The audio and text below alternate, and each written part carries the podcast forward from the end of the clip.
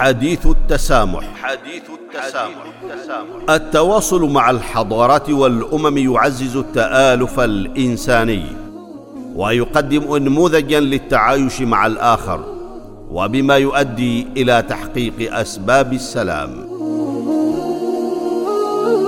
حديث التسامح برنامج يعده ويقدمه معالي الدكتور محمد بن سعيد المعمري. وزير الأوقاف والشؤون الدينية حديث التسامح, التسامح.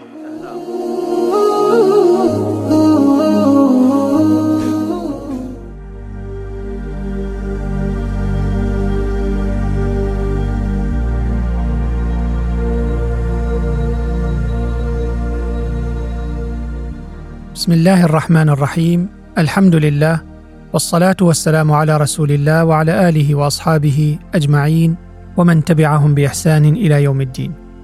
أيها المستمعون والمستمعات الكرام السلام عليكم ورحمة الله تعالى وبركاته واهلا وسهلا بكم في هذه الحلقة الجديدة من حلقات برنامجكم حديث التسامح. في الحلقة السابقة شرعنا في استكشاف ظاهرة التضخم المعرفي في هذا العصر الرقمي الذي يشهده العالم. وافتتحنا استكشافنا معا بموضوع التضخم المعرفي وسطحية فهم الآخر وبينا خلال الحلقة معنى التضخم المعرفي وارتباطه بالمعرفة السطحية للأمور والأحداث من حولنا.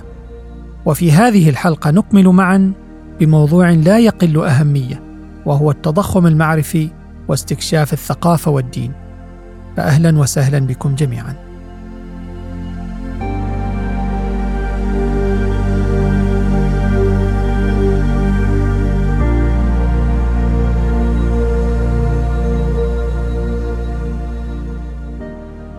أيها المستمعون والمستمعات، يجد المتصفح في جنبات شبكة المعلومات أو الإنترنت معلومات لا حدود لها حول الثقافات والأعراق والأديان والمذاهب من مختلف بقاع العالم. وحين يتم عرض الثقافات والأديان المتنوعة على صفحات الإنترنت وأدواتها المرتبطة بها كالممارسات والطقوس والفنون، يصبح من السهل افتراض أن النهضة العالمية متعددة الثقافات قد تحققت بالفعل. وتشير الدراسات والأبحاث إلى أن التعرض السريع للثقافات والأديان من خلال كما ذكرنا الممارسات والطقوس والفنون قد تبنى شعورا زائفا بالفهم.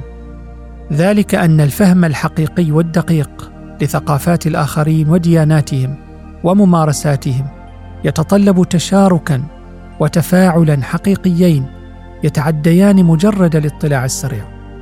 وفي دراسة حملت عنوان تأثير الإنترنت على التفاهم الثقافي نشرها مركز أمريكي للأبحاث في العام 2020 وجدت هذه الدراسة أن 68% من البالغين يعتقدون أن الإنترنت مكنهم من معرفة الثقافات العالمية. ومع ذلك وجدت ذات الدراسة بأن 42% من البالغين يعتقدون أن الإنترنت جعل من الصعب فهم الثقافات الأخرى. وتؤكد الدراسة بأن شعور الارتباط بالثقافات الأخرى ومعرفتها لا تعني بالضرورة فهما صحيحا لها ولخصائصها. ويمكن لمنصات التواصل الاجتماعي أن تعرض المطلع للاستهلاك السريع للمحتوى والمعلومات وتقدم المنصات من خلال طرق عملها لمحات ومشاهدات مثيرة ومدهشة عن عدد لا يحصى من التقاليد وأنماط الحياة. وتؤدي هذه المشاهد إلى تبسيط الروايات حول الثقافات والأديان الغنية. ورغم فاعليتها في الخطوط العريضة غالبا ما تتجاهل تلكم اللمحات والمشاهد الفروق الدقيقة والترابطات الدقيقة حول الثقافة والدين للمجتمعات حول العالم.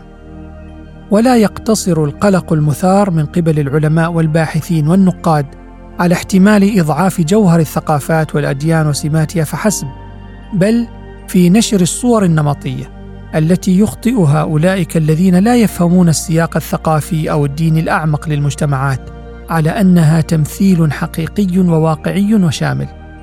وقد ذكرنا في الحلقة السابقة أثر هذا كله على ظهور ما يعرف برهاب الإسلام أو الإسلاموفوبيا.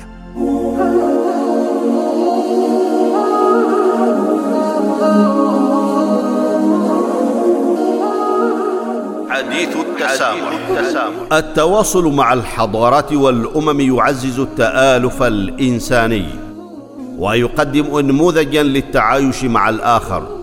وبما يؤدي إلى تحقيق أسباب السلام.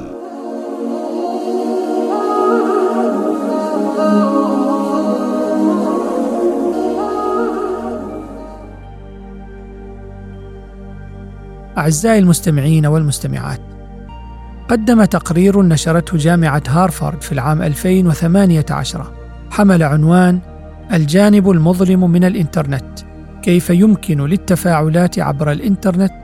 أن تعزز سوء الفهم والصراع. قدمت هذه الدراسة تقريرا مفاده بأن الإنترنت يمكن أن يكون أرضا خصبة لتأجيج سوء الفهم والصراع. كما قدم التقرير دلائل تشير إلى أن التفاعلات عبر الإنترنت يمكن أن تكون أكثر استقطابا وأقل تسامحا من التفاعلات المباشرة وجها لوجه مما تقوض قيم التسامح والتفاهم والتعايش. وقد بينا في الحلقة الماضية مفهوم غرف الصدى وكيف أنها تعزز تعرض الناس للمعلومات والأنماط التي تؤكد على معتقداتهم ووجهات نظرهم المسبقة حول الأمور والأحداث دون النظر في ارتباطات الأمور وتعقيداتها والحالات الخاصة لكل حادثة. وهذا يعزز بدوره الشعور الزائف أو الواهم بفهم الثقافات والأديان والمجتمعات الأخرى على حد سواء. كما أن التصفح السلبي والسريع الحاصل بسبب أدوات منصات التواصل الاجتماعي التي وإن كانت توهم مستخدميها بأن تعرضهم للمشاهد القصيرة والسريعة فيه حفظ لوقتهم واكتساب أكبر للمعلومات والمعرفة هو في حقيقته تشجيع على الاستهلاك السلبي والتعرض المفرط للمعلومات ويعزز التضخم المعرفي. أيها المستمعون والمستمعات، ومع ما ذكرنا فإن للعاقل الفطن قدرة على توظيف أدوات هذا العصر الرقمي للتعمق والتدقيق والتفحص والتمحيص قبل الحكم على الآخرين بمجرد الاطلاع السريع على المعلومات والمشاهد والأحداث التي قد تصله أو تعرض له في مساحات العالم الواسع لشبكة المعلومات. فالعاقل مطالب بحفظ وقته وعدم هدره فيما لا طائل منه. ويمكن لأدوات هذا العصر الرقمي أن تتيح للمستخدم مجموعة واسعة من الخيارات لتجاوز التضخم المعرفي والمعرفة السطحية. كالدورات التدريبية المعتمدة في مختلف المجالات منها على سبيل المثال الثقافية أو الدينية. إضافة إلى سهولة الوصول إلى المواقع على أحداث العالم سدا للفجوة بين المعلومات السريعة غير الدقيقة والفهم الحقيقي للأمور. وبكلمات أخرى فإنه وفي حين سهولة توفر المعلومات والمعرفة في عالم الإنترنت تقع على عاتق المستخدم مسؤولية التنقل فيه بحكمة، حيث إن المحيط الهائل في المعلومات المتاحة عبر الإنترنت يتراوح بين السطحية إلى العميقة، والقدرة على التمييز بينها هي مسؤولية كل فرد، ففي حين أن العالم الرقمي يقدم فرصة لا مثيل لها في التعلم، فإنه يدفعنا كذلك في الوقت نفسه إلى ضرورة التفكير النقدي والمشاركة الواعية. أعزائي المستمعين والمستمعات ختاما فإن آفاق هذا العصر الرقمي تمنحنا نافذة غير مسبوقة تطل بها على عدد لا يحصى من الثقافات والأديان والممارسات الحياتية التي تشكل نسيجنا العالمي. فبنقرة واحدة يتعدى الإنسان حدود مكانه ليطلع على العادات والتقاليد وأنماط الحياة في مختلف القارات. مما يوجد شعورا بالارتباط لم يكن من الممكن أن تحظى به الأجيال السابقة. ومع ذلك فإن إمكانية الوصول هذه تاتي مع مجموعة من المحاذير المرتبطة بها. ذلك أن بساطة المحتوى الرقمي وقصره غالبا ما يجرد الثقافات وممارساتها من عمقها وثرائها. ولا يكمن الخطر في التجزئة والتبسيط بل في الخلط بين هذه الرؤية المجزأة والفهم الدقيق والصحيح للآخرين وأساليب حياتهم. إن التقدير الحقيقي لتنوع ثقافات عالمنا هو مسعى لا يسعى له إلا العاقل الواعي الذي يعي سنة الاختلاف وأهميتها في هذه الحياة. وإن هذا المسعى يستلزم المشاركة النشطه والتعاطف والالتزام بالتحرر من الأفكار المسبقة والصور النمطية التي تعززها وتروج لها غرف الصدى عبر الإنترنت. وبينما يتنقل الإنسان عبر ممرات الثقافة الرقمية الواسعة عليه أن يتذكر بأن جوهر أي ثقافة لا يكمن فقط في طقوسها أو تقاليدها التي يمكن ملاحظتها بسهولة ويسر بل في التجارب المشتركة والعواطف والترابطات الدقيقة لأصحابها. ولن يتسنى للعالم أن يحتفي حقا بالنهضة العالمية متعددة الثقافات التي يحاول هذا العصر الرقمي أن يعده به إلا أنه من خلال البحث عن هذه الروابط الأعمق وعن الأرضيات المشتركة التي تعزز القيم الإنسانية وفي مقدمتها قيم التسامح والتفاهم والتعايش. نقف عند هذا الحد ونكمل الحديث معكم في حديث التسامح في الحلقة المقبلة بإذن الله. حتى ذلك الموعد نستودعكم الله والسلام عليكم ورحمة الله تعالى وبركاته.